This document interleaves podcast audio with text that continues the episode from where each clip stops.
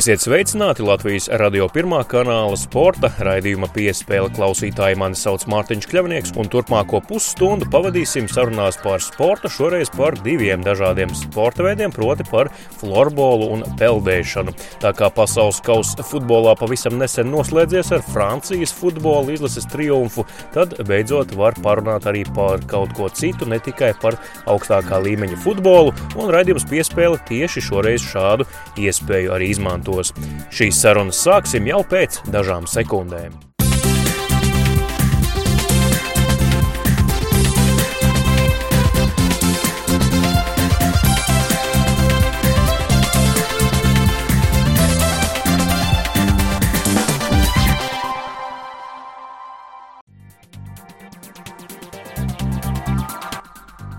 Esam atpakaļ raidījumā piespēle pēc īsas pauzītes. Mani joprojām sauc Mārtiņš Kļavinieks, un raidījuma ievadā šodien runāsim par florbolu. Florbols ir viens no tiem retajiem, iespējams pat vienīgais sporta veids, kur joprojām augstā līmenī sastopami spēlējošie treneri. Kolēģis Māris Bergs Valmierā uz interviju aicināja florbola kluba Valmiera spēlējošo treneri Aigaru Belāsu, lai noskaidrotu, kā iespējams savienot spēlēšanu un trenēšanu augstā līmenī līmenī. Tāpat sarunā arī par to, kā Belāsovs savulaik no Latvijas florbola flagmaņiem nonāca Somijā un pēc tam no Somijas tolaik vēl necelajā Valmieras komandā un, protams, arī par gaidāmo sezonu Valmieras komandai. Jau tuliņ Māra Berga saruna ar Aigeru Belāsovu. Florbols ir viens no tiem retajiem sportiem, varbūt pat vienīgais komandas sporta veids augstā līmenī, kuri spēlējošie treneri. Kāpēc tāda situācija? Labs jautājums. Grūti pateikt. Es domāju, ka ir arī dušien precedenti citos sporta veidos, bet uh, viens noteikti no iemesliem, kad uh, florbols ir uh, gana jauns sporta veids. Tie treneri kā tādi vēl nav. Es domāju, ka uh, nākotnē jau tāda situācija vairs nebūs tik daudz, ja tie spēlējušie treneri būs tas ir domāju, saistīts vairāk ar to, ka tas sports veids jauns. Un, un... Citi spēlējošie treneri, piemēram, Jānis Jansons, Acis Blīns, un vēl daudzi citi ir teikuši, ka ir baigi grūti būt spēlējošiem treneriem. Kā tev šķiet? Pareizi viņi teica, viegli tas nav. Ir, ir kādam, varbūt, kuram tas ir vienkāršāk, jo tu tās lietas, ko tu trenē, vari. vari teiksim, arī būt tuvāk uz laukumu un, un, un, un pārnestiem spēlētājiem. Bet, nu, jebkurā gadījumā noteikti tas nav tas labākais veids. Ja sevišķi spēlēs treniņos, varbūt tas nav tik izteikti, bet spēlēs tu pats esi pārāk daudz iekšā tajā spēlē, un varbūt kaut kādas lietas neredzi ar, ar, no malas, jā, ar, ar, ar vēsāku prātu. Tā kā savienojums tas ir, jā, bet. Uh, Noteikti, ka tas varbūt nav tas labākais veids. Ir palicis sarežģītāk, kā bija pirms pāris gadiem, kad sāka šeit Valmērā. Jā, vieglāk nav parādījušies rezultāti, ir uh, spēlētājiem kļuvuši daudz ambiciozāki. Un, uh, Ir katru gadu vien grūtāk un grūtāk atrast tos, tos pareizos veidus, kā viņus kā vēl motivēt, un, un, un lai neapstājas tas progress, lai mēs iet vēl uz augšu. Pašam vēl ir vēlme turpināt apvienot spēlēšanu ar trenēšanu, vai tomēr jāsāk domāt par pilnu laiku treneru darbu? Vēlme ir, bet uh, kaut kādā brīdī droši vien būs ar jāpas, jāapsēžās un jāp, jā, jāpadomā, kas būtu tā kā labāks variants. Visu mūžu tāpat droši vien nevarēs spēlēt, un kaut, kam, tad, tad, kaut kad tam visam būs jāliek punkts. Bet, uh, vai tas būs nākošais sezona, grūti to pateikt patreiz. Jau Somijā radās ideja, ka vajag pamēģināt savu roku treneru arodā. Noteikti nē. Pirms pēdējā gadā jau, nu, tas ir tā, gadu pirms es atgriezos, jau man uzrunāja no Valmieras, Valmieras Florbola kluba Māris, vai es negribētu nākt par treneri, jo pirms tam tāda doma pat īsti nebija bijusi prātā, jo es kaut kad agrāk arī cēlus laikā vēl runājot ar, ar, ar vadību, teicu, ja, ka, uh, lai nekas, ja, bet, nu, treneris tas, nu, tiešām nebūs, ja tas īsti nav priekš manis, bet uh, tā kā vienā, vienā, reizi piedāvāja, pēc tam nākošajā gadā bija tā kā stākļa sakritība, ja, kad uh, bija plānots kā, atgriezties uz Latviju, un, un vēl joprojām tas piedāvājums bija aktuāls, un tad es uh, izdomāju pamēģināt. Somijā spēlējot, pievērs uzmanību tam, kā strādā treneriem, taktiskajiem zīmējumiem, kā viņi runā ar komandu ģērbtuvēs, visādām tādām niansēm. To es sāku pievērst kaut kādu pusgadu pirms atgriešanās, kad jau tā bija tā, tā tēma aktuāla par to trenēšanu. Tad es vairāk sāku skatīties no, no nedaudz no cita punkta, bet jā, iepriekš, agrāk, jā, tā kā īsti nē. Pēdējā pusgadā, kad es kā, zināju, ka jau būšu, tad es kā, sāku skatīties uz tādām lietām vairāk. Daudz sanāca paspēt iemācīties tajā laikā. Noteikti jau, ka jā, nu, tā pieredze nāk. Jebkurā vietā, jebkurā kaut vai dzīves pieredzē, es domāju, ka nu, tā konkrētas lietas, varbūt tā es tagad nenosaukšu, bet noteikti jau, kad uh, kļuvu pieredzējušāks un gudrāks no, no, no, no tā posma. Tas piedāvājums bija kļūt par spēlējošo treneri vai kļūt par pilna laika treneri aiz soliņa, stāvēt uzvalkā visas spēles. Īsti neatceros. Bija noteikti, ka viņi arī rēķinājās mani kā ar spēlētāju. Es gan sākumā atbraucot šeit, biju tā kā, varētu teikt, vairāk asistents, jo Mārcis bija galvenais treneris, un es biju kā asistents, treneris un, un, un spēlētājs. Kā, un kaut kā laika gaitā vienkārši sanāca tā, ka es, es, es kļuvu par galveno treneri. Atcerieties, kāda bija tā komanda toreiz, kad atgriezies, jo tomēr tie bija tie laiki, kad Valmiera plēsoņiem pat tūmā vēl netika. 90% teikt tie paši spēlētāji, kas, kas, tagad ir jauni, azartiski un, un, un uzņēma ļoti, ļoti labi visu, ko es viņiem sniedzu, un ļoti uh, ambiciozi spēlētāji, kas, kas, kas, uh, kurus redzēju, ka ir potenciāls. Ja, un, un, un tad arī tas, tas bija arī viens no, no papildus iemesliem, kāpēc es kā joprojām tur strādā, jau kas redz, ka tiem, ka tiem čaļiem ir uh, potenciāls, ka viņi grib kaut ko sasniegt un ka viņi arī var kaut ko izdarīt. Toreiz vienkārši bijāt pārāk jauni, pārāk zaļi, lai vēl gūtu panākumus. Jā, noteikti tā arī bija. Jā. Un, un, un, un pieredze viņiem pirmām kārtām jau ir tikai spēlējot, bija salīdzinoši maza spēlējot. Pat Latvijā maza starptautiskās pieredzes, maza spēlētāja, kas bija bijuši kaut vai, vai izlases kandidātu lokā. Un, un, un tas jau Tas dod ļoti daudz, un, un spēlēt tikai virslīgas uh, apakšgalā un, un, un pirmā līgā, tas, tas tomēr ir kaut kas cits pavisam. Skatoties valmieriešu rezultātus pēdējo piecu gadu griezumā, katru gadu solīts uz augšu, solīts uz augšu, un tagad pagājušajā gadā jau tikāt finālā. Kur ir tas iemesls, kā, kāpēc šī komanda ir tik strauji progresējusi. No komandas, kas bija desmitā vietā pirms pieciem gadiem, tagad tā ir komanda, kas gandrīz, gandrīz izcīnīja titulu. Nu, kā jau es teicu, ja, pirmām kārtām jau, kad tiem ceļiem ir ambīcijas, ka viņi grib kaut ko sasniegt, protams, nevar noliegt arī, ka kaut kādā mērā talants un, un visa tā sistēma, kas šeit ir apkārt. Viss katrā ziņā var redzēt, ka tas virziens ir pareizs, kādu, kādu gan klubu vadību, gan, gan, gan, gan, gan spēlētāji ir ieņēmuši sev tā kā vēl mazs solīts jāspēr.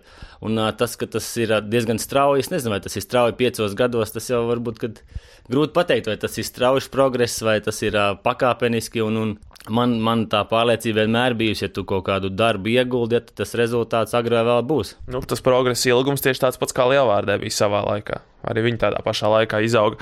Bet uh, par ko es gribēju teikt, minēju sistēmu. Jūs šeit esat izveidojuši jauniešu piramīdu, bet skatoties tos rezultātus, dažas komandas ir labas, citām tie rezultāti ir diezgan švaki.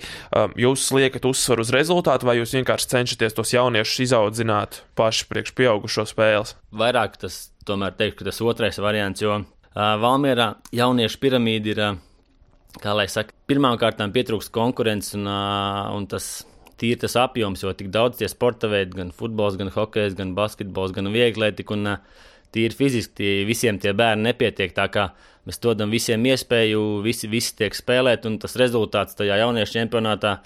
Lai vai kā tas varbūt nu, kaut kādā ziņā varbūt nav pareizi, ja, bet tas nav tomēr primārais. Primārais ir, lai, lai viņi ir aktīvi, lai, lai, lai viss tiek spēlēt, un tad uh, gan jau no tā visa bara, kas mums ir, arī kādreiz izkristalizēsies kāds, kāds lietas koks virslīgas komandai runājot par spēles sistēmu, pieaugušo komandā, kādu, kādu spēli mēģina iemācīt saviem padotajiem tur? Visiem noteikti svarīgākais tas, lai, lai, tā, lai būtu tā disciplīna gan, gan laukumā, gan ārpus, ka tas, un, un, tas pats spēles stils ir noteikti, lai, lai, lai būtu aktīvs un, un, un skatītājiem interesants florbols.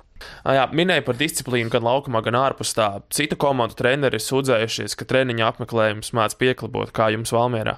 Viņveidīgs ir, ir, ir, ir posmi, kad ir ļoti labi, ir posmi, kad uh, varētu vēlēties labāk, ja, bet kopumā ņemot jau, ja nebūtu tie spēlētāji, kas no Rīgas braukā, ja, ja būtu visi uz vietas, tas būtu daudz vienkāršāk. Ja, bet uh, ir jāapzinās arī, ka tas floorbols tomēr ir vairāk vai mazāk kā, kā hobijs, ja, un, un kad uh, trīs reizes, četras reizes nedēļā no Rīgas izbraukāt, tas arī nav vienkārši tur tāpat tās mācības un darbs. Tā kā nu, kopumā ņemot, es teiktu, ka uh, ir ok.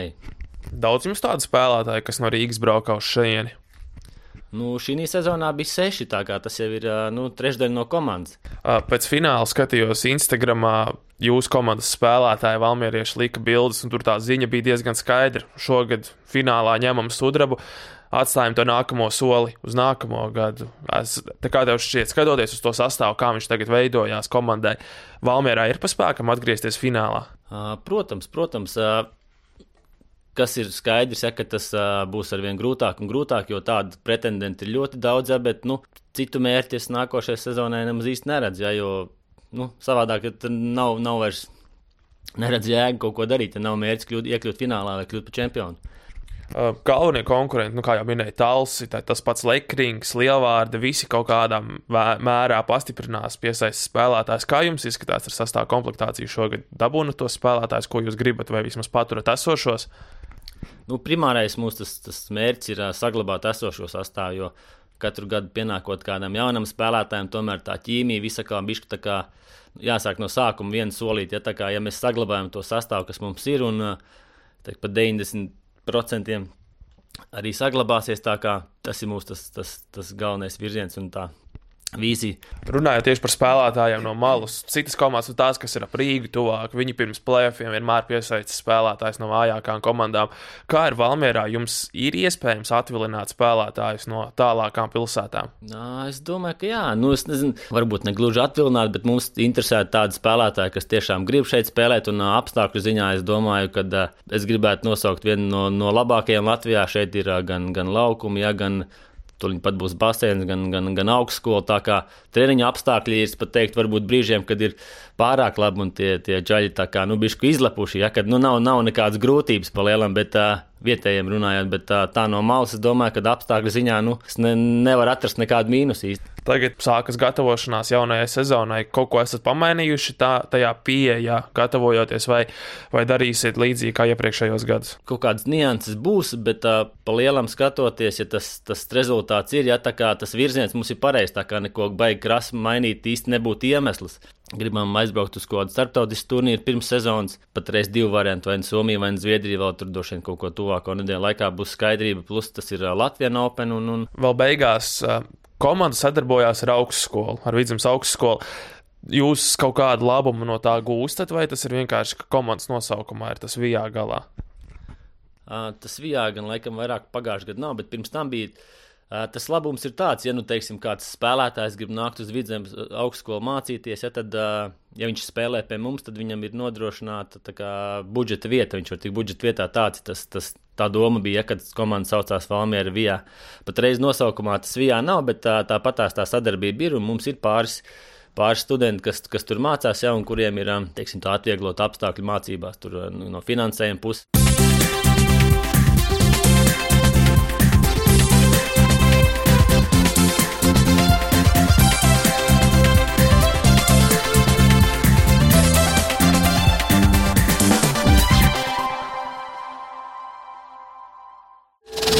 Tas ir ļoti pašsaprotami, kad Latvija sauc, tad tur nav variantu. Tu vienmēr saki, ka jā. Es cenšos katru spēli palikt labāks, katru spēli augt. Tad, kad jau ir uh, sezonas beigas un, un starpsezona, tad tu vari palikt vēl labāks spēlētājs.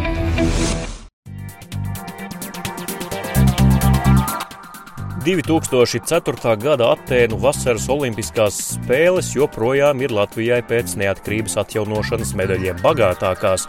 Četri olimpiskie sudrabi toreiz no Atēnām tika pārvesti uz Latviju, un to paveica gan svarcēlājs Viktors Čerbatiks, gan vingrotājs Jevgeņijs Saproņenko, gan arī šķērmetējs Vadims Vasiljevskis un pirmā dāma, kura jebkad Latvijai izcīnījusi olimpisko medaļu, modernās pieciņas pārstāve Jeļena Rubļevska. Rubļevska. Jau vairākus gadus eh, neesam neko dzirdējuši par Jeļenu Rubļevsku, un tas iespējams tāpēc, ka viņa vairs nav Jeļena Rubļevska, bet tagad ir Jeļena Maļuka, un galvenokārt zināma kā jaunās un talantīgās peldētājas Ievas Maļukas mamma. Sporta raidījuma piespēle turpinājumā saruna ar Jeļenu Maļuku gan par viņas meitu Ievu, gan arī par to, kā pēc profesionālās karjeras beigām sportistam atrast savu ceļu dzīvēm. Sporta raidījums piespēle turpinās, un turpināsim šo konkrēto sporta raidījumu piespēle raidījumu sarunājoties ar Jeļenu Maļuku, kas varbūt uh, tādam sporta līdzjutējam, kas pastiprināti neseko līdzi pēdējā laika notikumiem, varētu būt diezgan svešs vārds un uzvārds. Nu, varētu domāt, kas viņa tāda ir, vai kāda jaunā sportiste vai, vai, vai jaunā censone, bet uh, droši vien, ka vārds uzvārds Iļiena Rubļevska izteiks daudz vairāk, un uh, ar viņu arī šodien parunāsim. Sveiki! Iļiena. Labdien! Vai uh, jūs joprojām atpazīstat pēc vecā uzvārda, vai cilvēki tomēr jau ir apraduši arī ar jaunu? Domāju, ka uz šodien tāda tā veidojas mana jaunā sejā Latvijā, kā mamma Ievai Maļukai. Agrāk es biju vienkārši Rublievska un modernas pieciņas sportisti, bet šobrīd uh, manai visai ģimenei ir uh, ne šodien, jau divus gadus vai trīs gadus pēc kārtas, ka var iepriecināt, ka mas, manai ģimenei uh, viens uzvārds maļ, - Maļuki.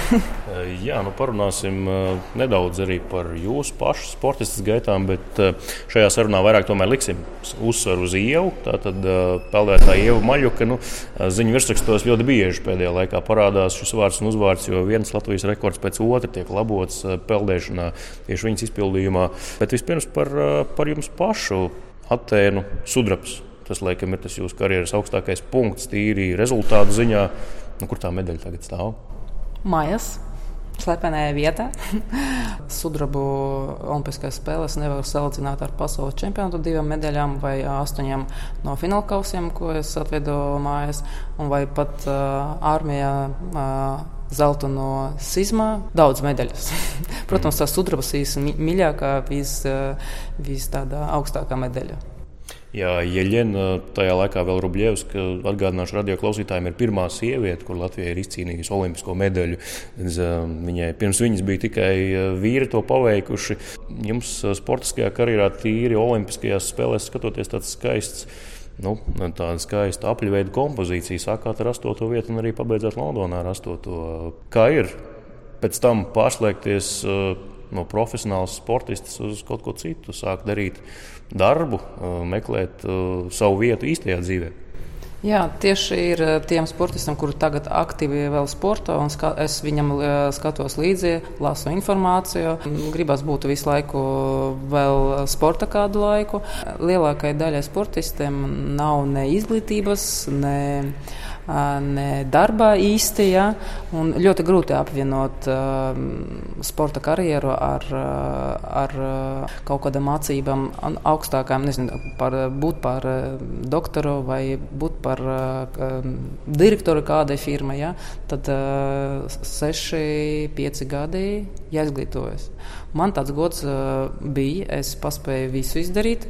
Gan kad ieva piedzimā, es beidzu sporta akadēmiju, Latvijas Sporta pedagoģisko akadēmiju, uh, gan bakalauru, gan magistru. Un, uh, pirms tam vēl tehnisko tehniku pabeidzu. Un man paralēli vienmēr bija sports. Man nebija viņš, um, ka tas būtu nu, tas, kas būtu manai dzīvei uz to, ko es eju. Ja.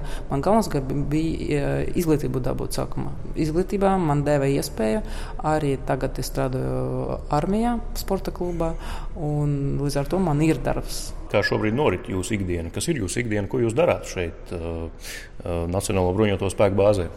Um, nu, es viss, kas ir sastošā sporta, es atbildu par uh, ASK baseinu, um, vadu nodarbības, uh, rīkojam sacensības, kas ir uh, armijā. Un pieņemam fizo, daudz ir darba. Viss, kas, kas ir saistošs ar fiziskajām aktivitātēm. Jā, nu, tas par, par jūsu ikdienu, bet jūs. Atnācāt uz moderno piecīņu pēc tam, kad nolēmāt izbeigt savas gaitas, profesionālās attiecības ar peldēšanu. Savukārt Ieva šobrīd peld, vai viņai ir bijusi arī kāda interese par moderno piecīņu? Es viņai gribēju um, parādīt, ar ko sākas uh, modernā pieciņa.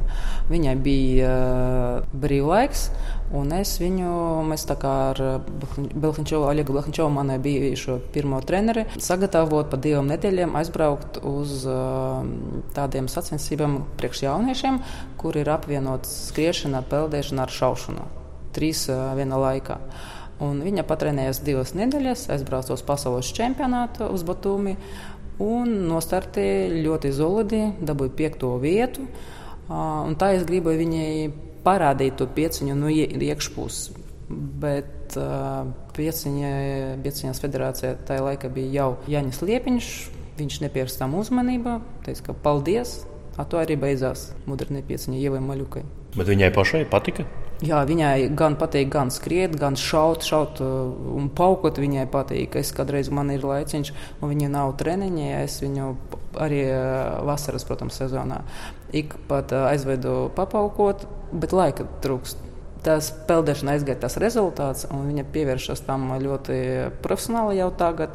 Tad nesanāk, ja viņa, piemēram, no rīta treniņš un pēcpusdienā. Jā, kā jau minēju ievadā, tad nu, ziņu virsraksti pēdējā laikā ir pārpildīti. Ja ziņas ir par peldēšanu, tad tā noteikti ir ziņa par Ievu Maļuku. Latvijas mērogā viens Latvijas rekords pēc otra krīt. Vai mammai tas ir pārsteigums, ka viņi ir tik spējīgi? Nav pārsteigums, tāpēc ka es jau no bērnības redzēju, ka manai meitai ir dotības sajust ūdenī. Un viņa jau no bērnības zem, peldēja zem ūdenī. Viņa varēja jebkuru kustību ar kājām, ar rokām uztaisīt, un viņa divi metri uz priekšu. Ja es tur taisītu, trenētos aktīvi, es tur varēju desmit kustības uztaisīt, nekādu tolku. Un tas pierādās tagad arī rezultātā. Protams. Protams, mans tika arī ieguldījums tas, ka es viņu pievēršu tai dēlēkšanai. Viņa deviņus, tātad no trīs gadu vecumā līdz deviņiem gadiem vecumam nodarbojas ar dēlēkšanu. Tās ieguldītais darbs. Tatjana Plieskačovai liels paldies viņai koordināciju un pat, dzīvē arī viņu sagatavoja. Viņa, viņa ļoti labs treneris un man meita līdz ar to izauga arī baigi pozitīvā un atbildīgā. Sanāk, ka jau, jau no trīs gadu vecuma dzīvo basēna ūdenī. Principā. Tieši tā, vēl ja dziļāk. Tad viņa no septiņiem mēnešiem jau aizkāpās, es jau viņu veidu, nu, bišķiņ tā kā ūdeni pabūt. mm. Šobrīd viņa arī nu, šīs sarunas laikā nav Latvijā, viņa ir Spānijā, treniņu nometnē. Diezgan dzelžais režīms, jo nu, es mēģināju sarunāt vai vienoties ar viņu tā, lai arī viņi šeit būtu. Šobrīd arī radioklausītājiem var pastāstīt, ka Ieļena rāda arī fotografijas no baseina Spānijā, kur atrodas meita. Cik ļoti liela disciplīna prasošs ir šis te, viņas šī brīdējais režīms. Man tā peldēšana gluži priekš ievas, lai es zinu viņu raksturu, un viņa ir simpātiska meitene. Es negribētu, lai viņa trenētos peldēšanu. Kā dēlēkšana, ja tu, piemēram, no bērnības iemācītos tev to tehniku, ja ieguldītais darbs, tu vari uz tās tehnikas pamatā jau pēc tam startēt pa visiem sacensībām visu atlikušo dzīvi. Bet peldēšanai, ja viņa izvēlēsies 9 gadus to peldēšanu, es saku, Ieva, tev ar katru gadu tas plites būs vairāk un vairāk. Ūdeni būs jāsēž krietni ilgāk. Es viņai iedodu vienu mēnesi uz pārdomām, un viņa tā un tā izvēlēs peldēšanu. Tad es neiešu viņai pāri viņai kaut kāda ceļa, ko viņa izvēlas. Ja? Tad, ja viņa teiks, viss, tad, ja es piekritīšu, es vienmēr viņai atbalstīšu. Vai jūs jau kā sportisti, kur ir bijusi pasaules mēroga, viena no, viena no labākajām, redzat kaut kādu lielāku mērogu, viņas spējām. Jo pagaidām nu, tie rekordi Latvijas līmenī, bet vai jūs redzat, ka viņi var būt arī kas vairāk pasaulē, Eiropā? Mēs varam to visu izdarīt. Un Ieva to var visu izdarīt, bet uh, tad viņai būs jābrauc ārpus no Latvijas. Apstākļi arī jābūt labāk nekā Latvijā, tāpēc kā mums ir tā ziemas. Tā, tukšais laiks un tumšais laiks un eh, depresijas laiks ir, eh, ir ilgstoši. Ja? Tad, eh, ja viņai būs jāstrādā divas reizes dienā un mācīties vēl paralēli, tad, protams, ka jābrauc ārpus kaut kādā koledžā, augstskola vai nezinu kur. Bet uh, ir tā doma vai Amerikā vai Itālijā. Bet pašlaik uh, negribu vēl par to domāt, tāpēc ka viņa jābeidz skolu līdz 18 gadiem. Viņa uh, uz šobrīd viņa netrenējas kā profesionāls. Tāpēc es viņai neļauju braukt pa treniņu nometnēm, un viņa brauc treniņu nometnēs tikai tad, kad ir brīvlaiks skola. Tātad man uh, meitene nav vajadzīga mājās uh, blondīne. Man vajag uh, normāli, lai būtu pēc tam cilvēciņš uh, vajadzīgs uh, mūsai Latvijas sabiedrībai, tā kā normāls cilvēks, ne kā vienkārši sportisti jau maļuka. Vai viņai paliek uh, laiks arī vēl kaut, vēl kaut kam ārpus peldēšanas un skolas ikdienā? Mm, diez vai. Teikas vidusskolā pirmkārt viņa mācās divi vai viens treniņš. Tā kā teikt, ka vēl kaut kādam, nu, tikai priekš sevi, to, ko viņa vēlās ar meitenēm aiziet uz kino. Es viņai, protams, kā atļauju, savādāk nevar bērniņš izaugt. Tā kā vēl kaut kādam sporta veidam, kaut kādam, nu, viņa angļu valodu iet papildi mācās. Nu, tā kā visi bērni ikdienā, nekas sevišķais bērns jau neesot tāds kaut kāds tikai ar to, ko viņai patīk, tā peldēšana vairāk nekā pārējiem. Vai jums kā ģimenei tagad ir pievērsta lielāka preses uzmanība līdz ar ievas sasniegumiem peldēšanā? Visai ģimenei nē, bet tā kā ievai un man pēdējo laiku jā, tāpēc ka visi grib zināt, nu, kā tad ieva ir tāda parādās. Tad jā, ir tāda mm. lielāka uzmanība. Bet es domāju, ka ar vienu būs klusāk, tāpēc ka ieva augs, rezultāti, domāju, paralēli arī augs, cerams. Un tāda uzmanība tieši manai ģimenei, mūsu ģimenei, es domāju, būs mazāk. Bet runājot par to sportisko, šis ir 2018. gads. Un, uh, Pēc mazāk kā diviem gadiem Japānā ir viens, viens tās liels sacensības, četras lielākās sacensības, Olimpiskās spēles. Vai par to tiek domāts arī nu, kaut kur jūsu zemapziņā? Protams, tāpēc kā ievada Ievai federācijā, tā kā Ieva uh, ir viena no sportistiem, kuras saņem Tokio stipendiju. Tātad ne, ne Ieva, ne trenere to izlēma, bet tā ir federācijas, federācija locekļi ir izlēmuši viņa tādu piešķirt. Mm. Un, protams, viņa apzinīgi, apzinīgi trenējas, lai to, ko apmaksā, tad ir statusiskā stipendija. Tas ir, nav mūsu iekšējā Latvijas stipendija. Bet viņa, jā, viņai galva jau ir, ka Tokio es būtu startēt, bet vajag izpildīt to normatīvu. Ko paredz šī stipendija? Tas ir kāds ikmēneša finansiāls atbalsts, kaut kas vairāk? Jā, tas ir tas atbalsts tieši naudas ziņā. Tas ir divi uz treneri un, un ievai - 395 dolāri mēnesi. Tas ir nekas. Tas kā es vairāk, piemēram, tā kā mamma maksāju par tiem treniņu nometnēm krietni vairāk nekā tā stipendija. Tomēr federācija vismaz atbalsta savu iespēju robežās. Tas, laikam, tomēr ir pozitīvi no nu, šādas prizmas. Jā, es uh, arī gribu pateikt, pateikt liels paldies uh, Latvijas uh, Peldēšanas federācijai tieši Aivaram Platonovam. Un, tāpēc es arī tagad nesēžu mājās, neesmu maisaimniece, bet es strādāju armijā, lai arī palīdzētu līdz ar to ievai arī finansiāli. Tāda lūk Latvijas radio sporta raidījuma piespēles saruna ar Iļenu Maļuku, bijušo Rubļevsku, kā sporta sabiedrība viņu zina. Nu, mums tomēr ir nedaudz, bet tomēr īsi jāpieskaras tam, kas bija arī jūsu pamatsporta veids, kad, kad bijāt profesionāli modernā pieciņa Latvijā. Nu, aizvien jaunu un jaunu uzvārdu. Par īpašiem nopelniem par latviešiem kļūst modernās pieciņas pārstāvji no Austrumēropas valstīm, konkrēti Ukrainas. Nu, tādos īsos vārdos, varbūt, kā jūs redzat to, kas šobrīd notiek Latvijas modernās pieciņas vidē, zinot tos panākumus, kādi ir bijuši. Kā, kādu jūs redzat modernās pieciņas perspektīvu varbūt nākamajos desmit gados Latvijā? vispār pazudīs no, no Olimpisko spēļu apgāršana Latvijas pārstāvniecībā, vai varbūt situācija uzlabosies? Nezinu, man liekas, ka kamēr būs tāda situācija, ko izvēlas uz šobrīd Latvijas modernās pieciņas federācijā, tad laikam Olimpiskajās spēlēs mēs vairāk nebūsim pārstāvēti. Bet, ja federācija uzņems visus aktīvos trenerus un sportistus, kuri tiešām grib strādāt, laikam tā situācija uzlabosies. Bet tas ir tikai sapņos. Viss tomēr uzlabosies, pabeigsim sarunas pozitīvas nots.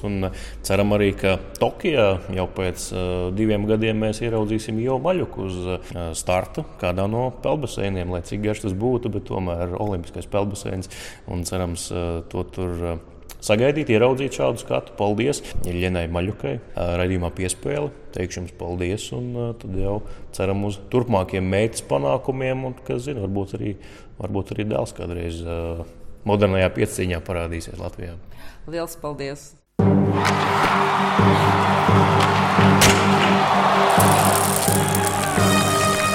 Sporta raidījums piespēle līdz ar to arī ir izskanējis. Mani sauc Mārtiņš Kļavnieks. Tiekamies jau pēc nedēļas uz sadzirdēšanos!